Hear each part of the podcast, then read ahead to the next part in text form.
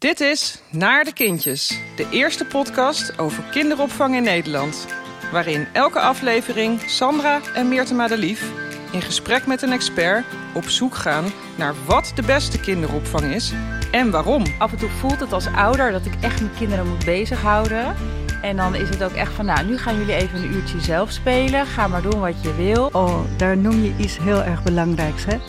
De tijd. Maar wat is nou die invloed van dat vrije spel nou zeg maar even de lagere schoolleeftijd? Nou, als het goed is, hoeft dat natuurlijk helemaal niet. Want een kind speelt vanuit zichzelf. Je moet je pas zorgen gaan maken als een kind niks doet. Wat versta jij onder spelen? We zijn hier vandaag uh, op Landgoed Zonneheuvel voor uh, weer een aflevering van de podcastserie Naar de Kindjes.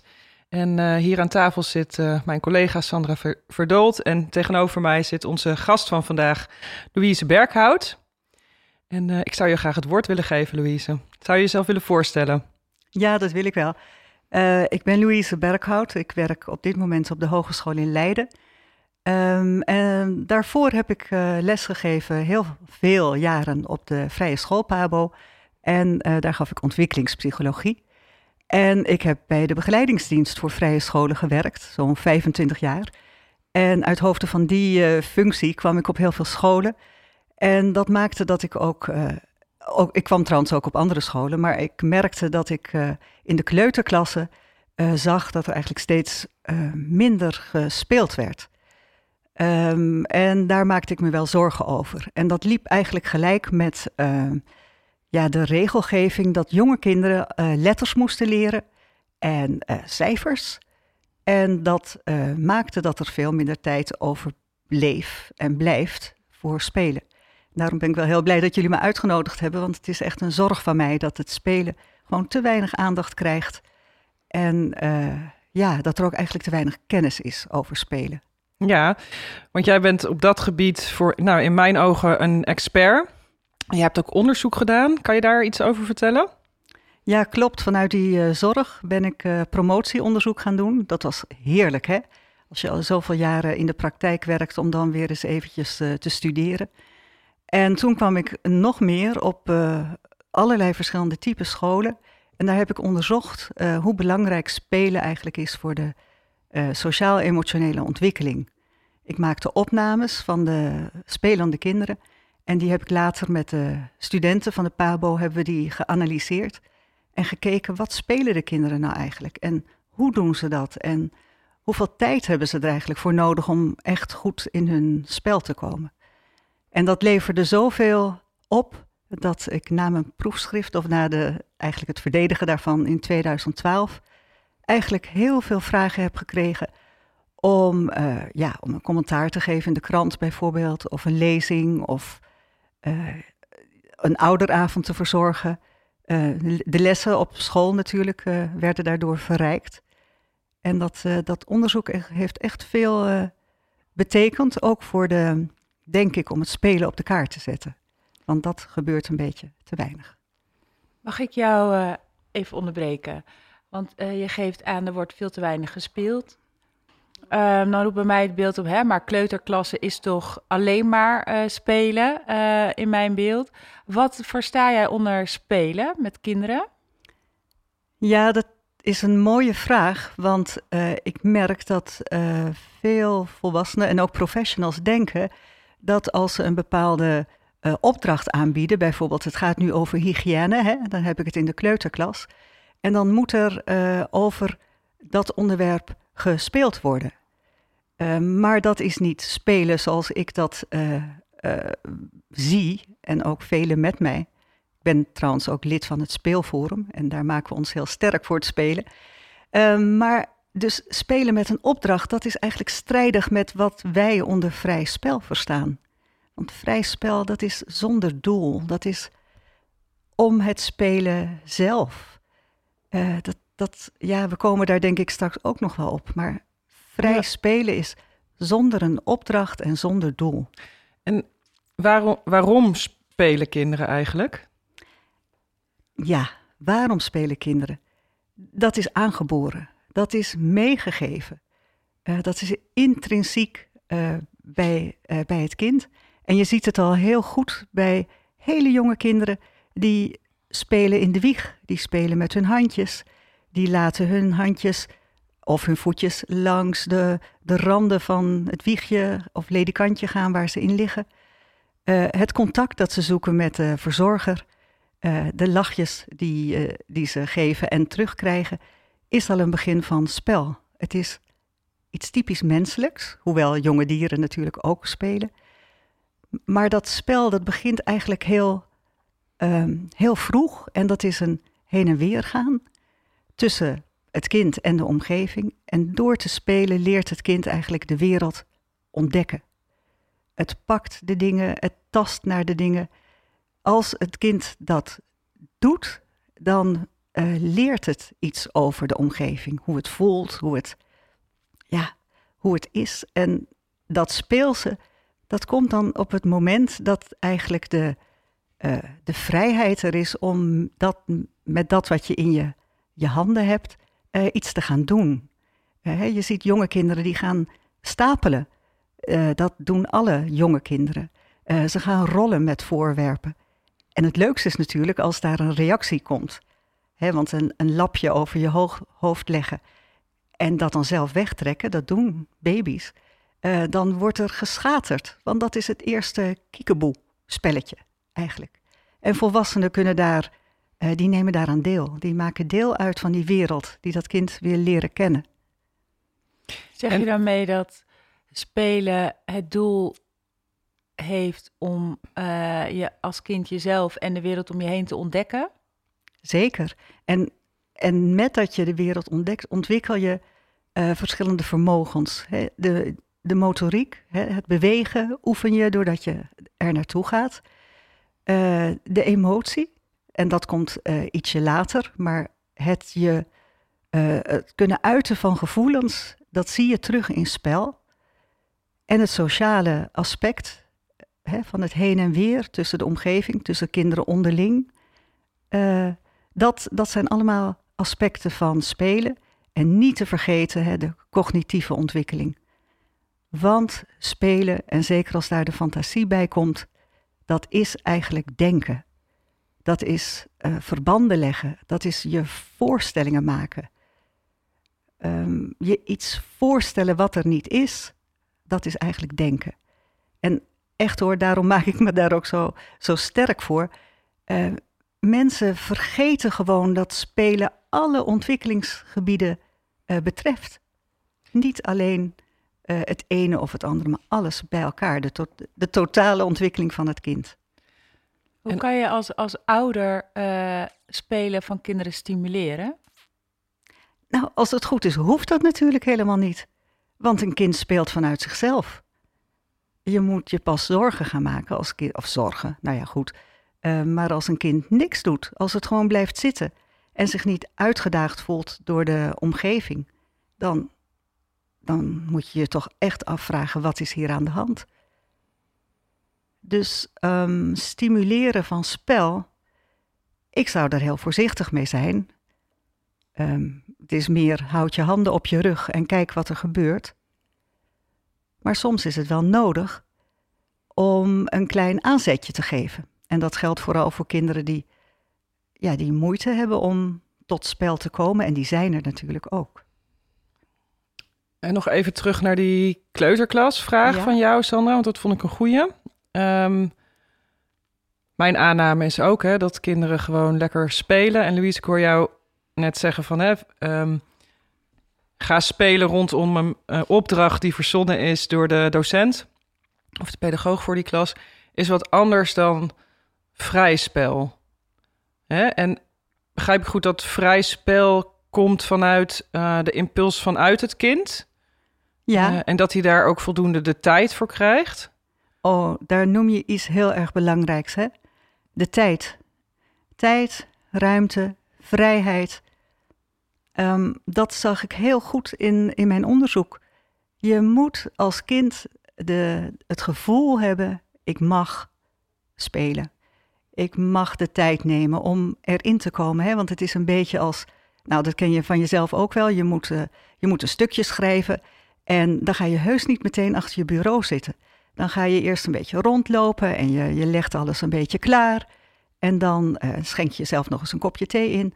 Nou, je schept dus eigenlijk de, de, de ruimte, het, het schouwtoneel, de, de context waarin je lekker rustig kunt gaan zitten om dat stukje te schrijven. En kinderen doen dat precies zo. Vooral als ze samen spelen, hè, dan uh, kunnen ze natuurlijk uh, vaak goed praten al. Dan verdelen ze de rollen eerst. Uh, de, het toneel wordt eigenlijk opgebouwd, zou je kunnen zeggen. En dan beginnen ze aan het spel. En dat heeft tijd nodig. Dat gaat niet zomaar van het een op het andere moment. En hoeveel tijd? Als je kijkt bijvoorbeeld naar een kleuter of naar een wat ouder kind? Nou, naarmate kinderen ouder worden, hebben ze er meer tijd voor nodig. Want ik pas. Oh ja? ja? ja, dat is heel. Ik denk dat ze een beetje geplaagd worden door hun eigen um, ja, kritische blik, soms ook, hè? zeker kinderen van deze tijd. Maar hoe jonger het kind, hoe minder tijd. Jonge kinderen gaan direct. Die zien iets en ze doen iets. Uh, kleuters ook nog. En daar speelt natuurlijk een heel belangrijke rol de omgeving en wat de juf uh, aanbiedt. Bijvoorbeeld aan, aan, aan zingen, aan verhaaltjes, want dat is heel inspirerend voor kinderen. Dan duurt het ietsje langer, omdat je dan die rollen moet verdelen en de materialen hè, uh, nodig hebt. En nog weer oudere kinderen die, uh, die gaan afwegingen maken. Dus het, het uh, maakt ontzettend uit de leeftijd van het kind en ook de omgeving. Ja, en ik hoorde net twee dingen. Um, van het vrije spel is heel erg belangrijk voor de ontwikkeling van een kind. En aan de andere kant het, um, ja, zoals de juffen van mijn kinderen het altijd noemen, spelenderwijs willen we ze dit en spelenderwijs willen we ze dat. uh, ik hoor jou net, dat is volgens mij het leren met, of het spelen met een doel voor ja, ogen. Klopt.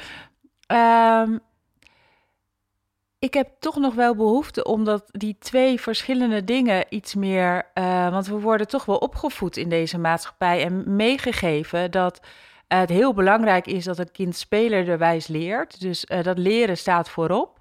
Ik hoor jou eigenlijk zeggen: het vrije spel is heel belangrijk dat daar de tijd wordt, voor wordt genomen, de het kind de ruimte daarvoor krijgt.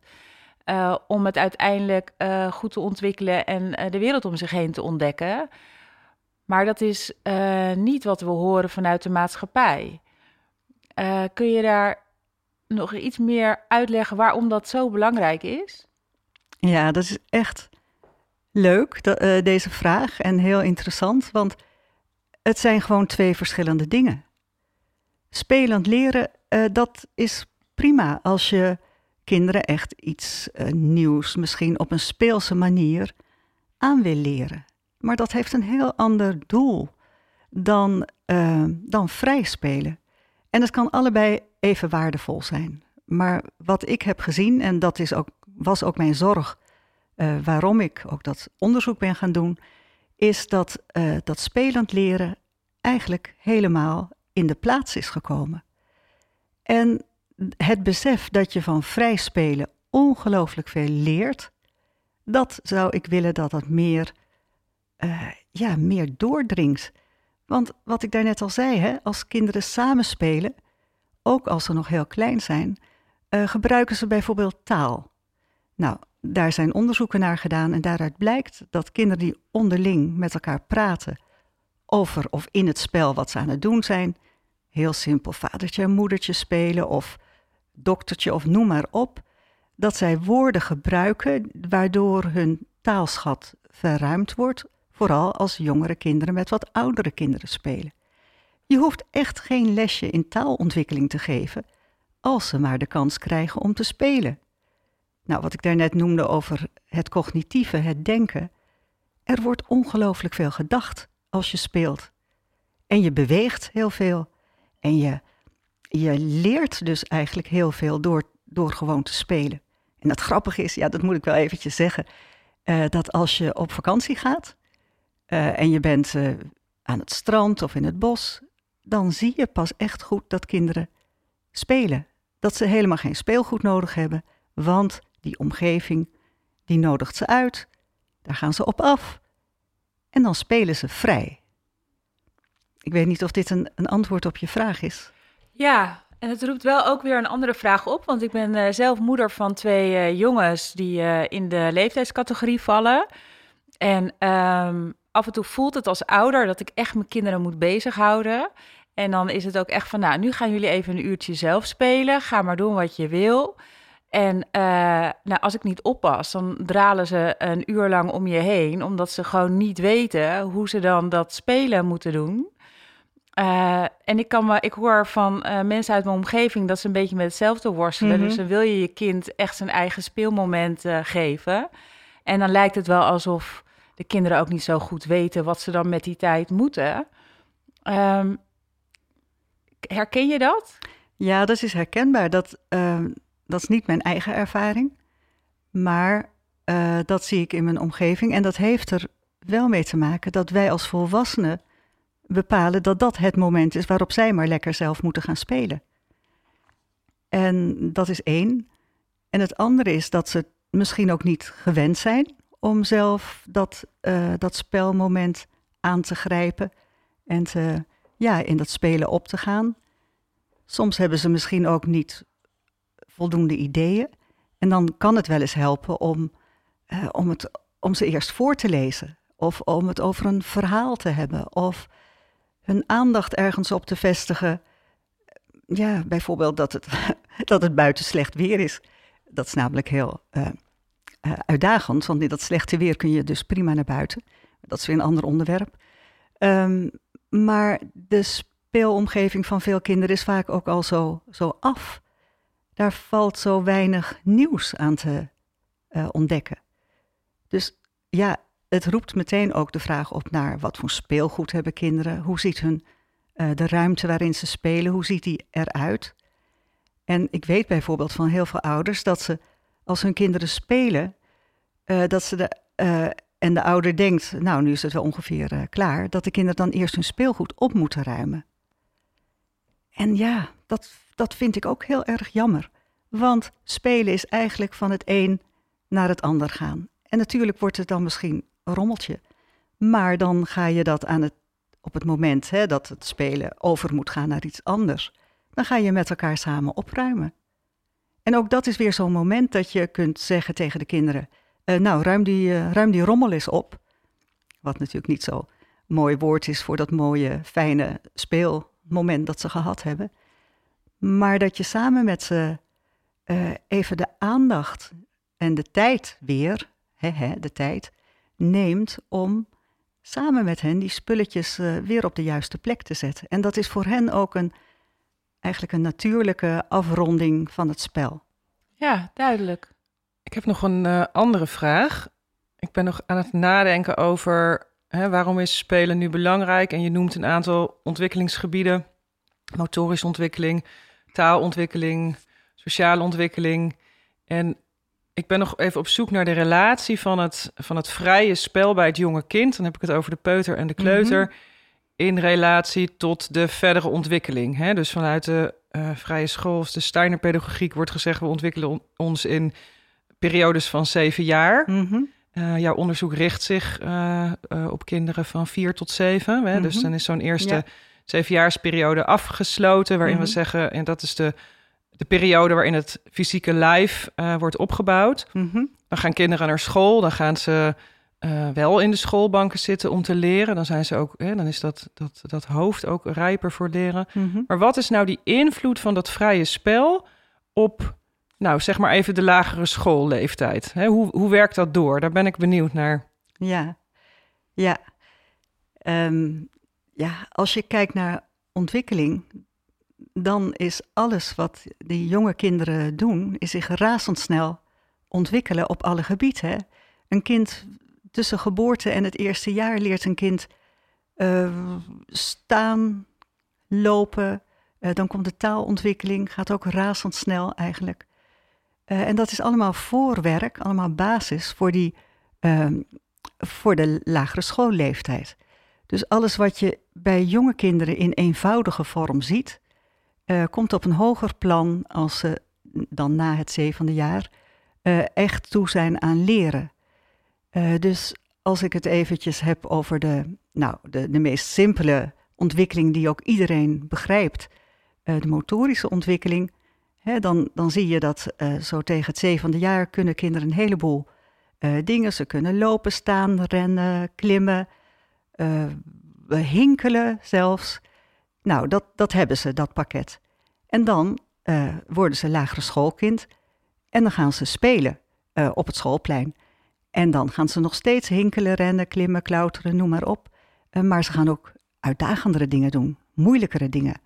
Uh, ze gaan spelletjes doen waarbij je op één been hinkelt en uh, onder de handje met je ene handje linker elleboog vasthoudt, om maar iets te noemen. Nou, dus, en dat zie je bij de taalontwikkeling ook. Want die jonge kinderen die met elkaar spelen, die, die kunnen elkaar duidelijk maken door gebaren wat ze van elkaar willen. Hè? En een, een tweejarig jongetje reikt het autootje wat hij in zijn hand heeft. Lekker stereotyp voorbeeld, hè? een jongetje met een autootje. Goed. Uh, die is twee jaar en die reikt dat aan een ander kind aan. En dat andere kindje begrijpt het. Die pakt dat van hem aan. Daar zijn geen woorden voor nodig, dat zijn gebaren. En die interactie, dat sociale aspect, dat wordt ook steeds complexer. Want op een goed moment komt daar natuurlijk taal bij, waardoor kinderen kunnen zeggen wat ze bedoelen. Nou, in fantasiespel is dat geweldig. Je bent allebei, uh, of met z'n drietjes ben je piraten. En je staat op een schip en opeens roept er eentje: Ik doe niet meer mee. Nou, dat is verschrikkelijk, dat moment dat één kind uit het spel stapt. Dat is sociale ontwikkeling, want wat ga je dan doen? Ga je dan zeggen: Ga je schelden? Ga je vechten? Ga je proberen die ander erbij te krijgen? In het spel leren kinderen dus ongelooflijk veel uh, sociale vaardigheden en ook sociale cognitie. En sociale cognitie is dat je begrijpt wat een ander bedoelt. Of dat nou in taal is of in gebaren. En dat is weer de basis voor uh, de lagere school, maar ook voor de puberteit, om te begrijpen wat een ander bedoelt. En dat oefen je in het spel. En ik geef nog een voorbeeld, want dat is een van mijn stokpaardjes. Uh, en dat gaat over die cognitieve ontwikkeling. En mensen denken dat je van spelen misschien helemaal niet slim wordt, maar je wordt er heel erg, ja, ik wil niet zeggen slim of intelligent, maar je wordt er wel rijk van. Uh, creatief zou je kunnen zeggen. Of je denken uh, wordt gevormd in de eerste vroege jaren, mede met behulp van taalontwikkeling natuurlijk, en ook door de input die je van de omgeving krijgt, de dingen die je leert van je juf, ouders, omgeving. Maar als je in dat fantasiespel uh, beelden gebruikt, je stelt je iets voor, hè? je bent een piraat, maar die piraat is er helemaal niet. Dat stel je je voor. En die andere kinderen, die gaan mee in die magische wereld, want dat is het eigenlijk. Hè? Ze zijn, als kinderen goed spelen, dan is dat fantastisch om te zien, want ze zijn met z'n allen in die samen beleefbare wereld. En die is echt voor hen. En wat ze dan oefenen, is uh, iets je voor kunnen stellen zonder dat het er is. En dat is denken. Als jij later moet rekenen en je bent af van het stadium van de kastanjes en de steentjes, dan moet je je voorstellen wat ja, dat, uh, die hoeveelheid, wat dat is. En dat heb je geoefend. Want je hebt gespeeld met die steentjes en die kastanjes. De verbeelding hè, die wij volwassenen kunnen hebben doordat we een boek lezen, dat zijn letters. Maar wat daar staat, roept bij ons iets op. Dan kunnen wij ons voorstellen dat we ook in diezelfde tuin rondlopen. En dat oefen je als je speelt. En dat is echt, echt heel erg belangrijk. Dus jij zegt daarmee dat um, in dat vrije spel komt bijvoorbeeld ook voorbereidend rekenen uh, aan bod, wat je op de lagere school weer nodig hebt. En uh, voorbereiding en ervaringen in de sociale ontwikkeling, die je in je puberteit of in je latere leven ook weer kan gebruiken. Ja, ja dat klopt. Dat is precies wat ik zeg. Ja, ja. ja. En mag ik daar, um, want vanuit ouders, de rol van ouders uh, daarin, hoor je wel eens twee kanten. Moet je nou als ouder of als uh, um, juf en meester zoveel mogelijk het kind, kinderen hun eigen spel laten doen en uh, voorkomen om daarop in te breken? Of kan je. Um, uh, ik, nou, wat ik eigenlijk probeer te zeggen is is het iets van de kinderen, moet je dat bij de kinderen laten. En op het moment dat er dus iemand besluit om uit het spel te stappen en ik doe niet meer mee, uh, is dat dan ook wat je uh, zo moet laten bestaan? Of is het juist goed om daar als ouders op in te uh, spelen en daar in mee te doen? Begrijp je wat ja, ik ik begrijp heel goed wat je zegt. Um, ja, ik zou proberen niet in te breken. Um, want als het goed is, hebben de, leren de kinderen om zo'n ongemakkelijke, niet leuke situatie op te lossen. Ja, ja als het uit de hand loopt en ze sla, gaan elkaar slaan, zelfs dan moet je nog kijken. Hè? Want ja, dat is weer iets anders. Maar uh, stoeien en vechten, en soms om het echi, is best belangrijk. Hè? En wij willen dat vaak niet. Wij, wij denken dan van, oh, dat is gevaarlijk of niet leuk of wat ook. Maar het is helemaal niet erg dat ze elkaar af en toe pijn doen en merken van oei, nou ben ik echt te ver gegaan. Um, ja. ja. dus ik, dat inbreken, ik noem het inbreken, hè, dat woord heb ja, je geloof ik niet genoemd, maar uh, dat is heel belangrijk. En ook daar is onderzoek naar gedaan. Hè, in, uh, als je ziet dat kinderen aan het spelen zijn, ga dan niet langslopen en ze vragen stellen of, of een compliment maken van wat zijn jullie toch fijn aan het spelen. Want op dat moment uh, verstoor je het spel. Want een kind uh, hoort dat er iets gezegd wordt. Meestal hoort het niet eens wat er gezegd wordt. Het hoort dat iemand zegt: uh, Wat zijn jullie fijn? Hè, een stem. Het kijkt op en het is uit zijn spel. Ja. En dat is zonde. En je wil het goede doen als opvoeder, hè? maar eigenlijk moet je gewoon je er niet mee bemoeien. Ja, duidelijk. Mooi, dankjewel. Um, je gaf net al een voorbeeld. Uh, dat je, als je een ruimte hebt waar niet zoveel speelgoed is, dat kinderen um, ja, vaak gewoon tot het vrije spel komen. Dus op een strand of in een bos of op vakantie. En ik zou vanuit het verhaal wat je verteld hebt, de overstap willen maken naar ja, de antroposofische kinderopvang. Mm -hmm. van wat zijn nou kenmerken van spel of speelgoed of ruimte in de antroposofische kinderopvang? Uh, zou je daar iets over willen vertellen? Ja, dat, uh, dat doe ik graag. Um, ja, in de antroposofische kinderopvang wordt heel veel rekening gehouden met de ontwikkeling van de zintuigen. En nou kennen we natuurlijk allemaal de gangbare zintuigen van zien en ruiken, proeven. Maar de antroposofie, of het antroposofische mensbeeld, van daaruit wordt er nog iets aan toegevoegd. En uh, we noemen dat de onderste zintuigen. En daar, uh, dat zijn vier zintuigen. Daar zal ik kort iets uh, over zeggen. De belangrijkste, nou niet eens de belangrijkste, maar het eerste zintuig uh, gaat over tasten, tastzin, gaat over aanraken. En aanraken en aangeraakt worden is zo'n menselijke behoefte dat daar wordt in ieder geval heel zorgvuldig mee omgegaan door de kinderen zorgvuldig te behandelen, maar ook door wat ze aangereikt krijgen aan speelgoed. En dat speelgoed dat is vaak niet heel uh, uitgebreid, maar wel is het echt. Het zijn echte materialen. Dus een, iets van hout is zwaar. Een lapje is licht.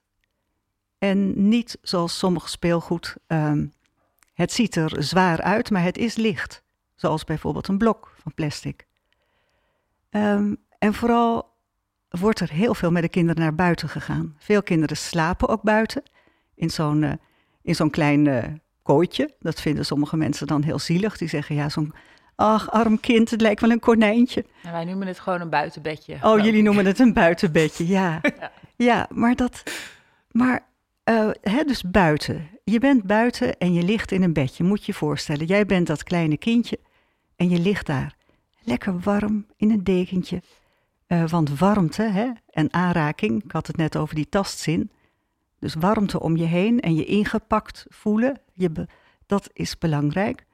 En je ligt daar lekker in je buitenbedje en je hoort de wind. Je hoort dat het regent. Je ruikt dat het regent. Je ervaart dat de zon schijnt en dat het warm is. Nou, dat zijn allemaal echte ervaringen. En die kun je, die kun je niet op een, een iPad of, een, of, of, of uit een boek. Hè. er zijn er boeken die gaan over uh, het buitenleven. Maar dat ervaar je niet als je niet echt in de natuur bent. Dus dat aanraken, om daar weer even op terug te komen, uh, gaat ook over met je handjes in de aarde zitten, uh, aan een blad friemelen, um, lekker petsen met je hand in zo'n modderplas en dan helemaal onder de spatten zitten. En dat vind ik ook typisch hè, voor de antroposofische kinderopvang. Daar mogen de kinderen gewoon vies worden. Heel vies. Dus uh, ja, dat moeten de ouders wel weten. uh, en ze ook, mogen ook vallen. Want dat is weer een ander zintuig. Dat heet uh, de bewegingszin. Het bewegingszintuig. Nou, regulier spreek je misschien over de, ja, de motoriek. Maar de bewegingszin is eigenlijk het vermogen om te voelen wat je, dat je zelf beweegt en dat er om jou heen bewogen wordt. En daar leef je in mee als kind. dus de, de spelletjes die ook gedaan worden in de opvang, het, uh, de kringspelletjes, uh, maar ook alle mogelijkheden om te klimmen, te klauteren, te vallen, um, te schommelen op zo'n zo'n wobbel heet het geloof ik. Hoe heet het bij jullie? Zo'n zo'n soort schommelbootje? Een schommelboot, ja. Oh ja, een schommelboot. Kijk, hè, als een kind dat dus omkeert en daar overheen gaat proberen te lopen, want kinderen zoeken uitdaging, uh, dan ontwikkelt het daarmee zijn bewegingsmogelijkheden uh, en het ervaart zichzelf. Het merkt dat het uh, ja, eigenlijk niet daartegenop geklommen komt. Het glijdt er weer van af. Het valt er weer van af. Dus zo'n mogelijkheid die het kind biedt door een dergelijk stuk speelgoed, um, ja, die helpen mee om die vaardigheden te ontwikkelen. Nou, zo heb je ook, en dat is echt een belangrijke. Nou, het lijkt wel of ik alles belangrijk vind, dat is niet waar hoor, maar um, de levenszin, dat, dat is echt een hele onbekende. Ik denk, Sandra, dat jij daar vast nog iets over te vragen hebt. Maar de levenszin of zintuig, is het vermogen waarmee je er als kind ervaart: voel ik me behagelijk? Voel ik me prettig? Voel ik me vitaal? En dat uh, betekent dat de omgeving daar ook voor uh, zorg voor moet dragen. Hè? Want het gaat eigenlijk ook over uh, honger en dorst, over moe zijn en uitgerust zijn, over um, ja, eigenlijk het hele gebied natuurlijk van je, je prettig voelen. Um, maar dat is nog wat meer omdat in de, op, in de antroposofische kinderopvang die levenszin heel, um, heel erg uh, behoed, verzorgd, beschermd wordt. Door uh, met de kinderen ook um, te koken, bijvoorbeeld. Te, ze te laten ervaren hoe. Ja, dat gebeurt natuurlijk vanzelf. Hè? Als je brood aan als je broodjes maakt en je kneedt erin, nou dan heb je die tastzin, dat aanraken. Je hebt de beweging, maar je hebt ook de geur van dat brood en dat ga je dan bakken. En die warme, lekkere broodgeur, die, die doet iets met je. Daar, daar voel je je behagelijk bij en fijn. En ja, dat gebeurt, dat kun je op allerlei manieren doen. En Is dat de... ook een beetje hetzelfde als het ontwikkelen van zelfbewustzijn? Dat levenszin? Um, dus... het, het, heeft er wel mee te maken. Maar bewustzijn ligt, zoals het woord al zegt, op een ander vlak. Hè? Wat ik nu vertel over de zintuigen ligt allemaal op het gebied van de ervaring. En dat zijn hele diepe ervaringen die je ook je hele latere leven met je meedraagt. Hè? Daarom, ja, mijn vak is, uh, ik ben ook GZ-psycholoog en dan merk je ook dat als het aan zulke goede ervaringen ontbroken heeft bij kinderen, dat zich dat het hele verdere leven ook wel wreekt. Dus dat ligt op een diepere laag. Zelfbewustzijn komt eigenlijk, uh, komt eigenlijk later. Uh, maar het is, zoals ik ook al eerder zei, het is een soort basis, een soort veilige basis van waaruit het kind zich verder kan ontwikkelen. En dat bewustzijn dat komt wel op het moment dat kinderen eigenlijk heel goed gaan lopen en staan. Hè, zich eigenlijk vrijmaken van de, van de aarde, kun je zeggen, de, zwaartekracht overwinnen. En dat bewustzijn komt ook op het moment dat ze, en dat is dan dat vierde zintuig, uh, hun evenwicht kunnen bewaren. Want dan kun je zeggen, dan staan ze voor, uh, voor, voor wie ze zijn. En dat is ook het moment dat dat bewustzijn, dat zelfbewustzijn, uh, heel duidelijk aanwezig is. En dat kun je ook zien, hè? je hoeft geen antroposoof te zijn om te zien dat een kind dat staat, dat voor het eerst staat en stappen in de wereld zet, dat dat een overwinning is en een soort triomf. En dat het kind dan echt uitstraalt: hier ben ik, hier sta ik. Dan kan het nog niet over zichzelf nadenken, hè, want dan is het uh, anderhalf misschien. Maar het ervaart, het weet van zichzelf, hier ben ik. En door, door de omgeving die daar ja, goed mee omgaat, uh, ervaart het kind ook, hier ben ik en ik mag er zijn. Dus tastzin noemde je, Klopt, bewegingszin, ja. levenszin en de laatste even evenwichtszin. Evenwichtszin. Ja, en, en eigenlijk... Oh, sorry. Die, dat ik die levenszin vind ja. ik nog wel een lastige... hoe je ja, daar nou klopt. invulling uh, aan zou uh, geven. Als ik dan naar kijk naar onze eigen kinderdagverblijf... de Geheime Tuin, antroposofisch. Um, is dat dan... Mooie huiswerkopdracht voor jou. Hè? Mooie huiswerkopdracht voor jou. Ja, mijn vertaling is dan het, het bieden van geborgenheid, liefde en warmte. Dat dat uh, het bieden van levenszin is. is ja, en ook het uh, uh, continu terugkerende, altijd actuele stuk rondom slaap. Hè? Waarom laten wij kinderen tussen de middag ah. rusten? Om ze weer, ja, eigenlijk dat, die vitaliteit weer terug te krijgen in hun lijf. Dat zit daar ook in. Ja. Ja. Ja, ik vind dat je het heel goed onder woorden brengt, Sandra. Want dat is wat de omgeving doet om ervoor te zorgen dat het kind zich goed behagelijk en geborgen voelt. Ja, oké. Okay. En dat is wat we dan dus in de antroposofische kinderopvang ook doen. Ik zeg altijd, we proberen ze positieve ervaringen mee te geven. Hè? Ja. Heel erg op dat ja. ervaringsstuk. En jij schetst nu heel mooi in welke gebieden dat zijn en hoe je dat dan kan doen. Mm -hmm. En dat dat ook echt onderscheidend is voor de antroposofische kinderopvang. Ja. Dat daarover nagedacht wordt, even aansluitend bij jouw bewustzijn. Hè? Want het gaat wel ook over dat de pedagoog uh, en ja, wij als team dat met elkaar doen, ons bewust zijn van die zintuigen en hoe we dat doen. Uh, om vervolgens die kinderen op al die gebieden die ervaringen op te laten doen. Mm -hmm. Ja. ja. Mooi. Mm. Dankjewel. Graag gedaan. Ja, dankjewel.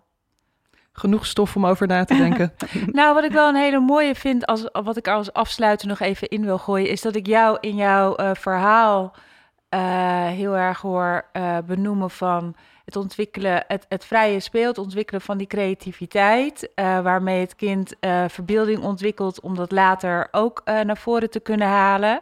En het grappige is dat ik als nieuweling binnen de antroposofie bij ons kinderdagverblijf ook heel vaak terughoor van we stimuleren de creativiteit van het kind. Dat vinden we belangrijk. een van de meeste ontdekkingen was bij ons zijn geen kleurplaten op de kinderopvang. Ja, want het kind ja. moet zelf creatief en in de verbeelding bepalen hoe het vliegtuig eruit ziet. En ja, daar, hoor ik, daar hoor ik ook jouw verhaal heel erg in terugkomen.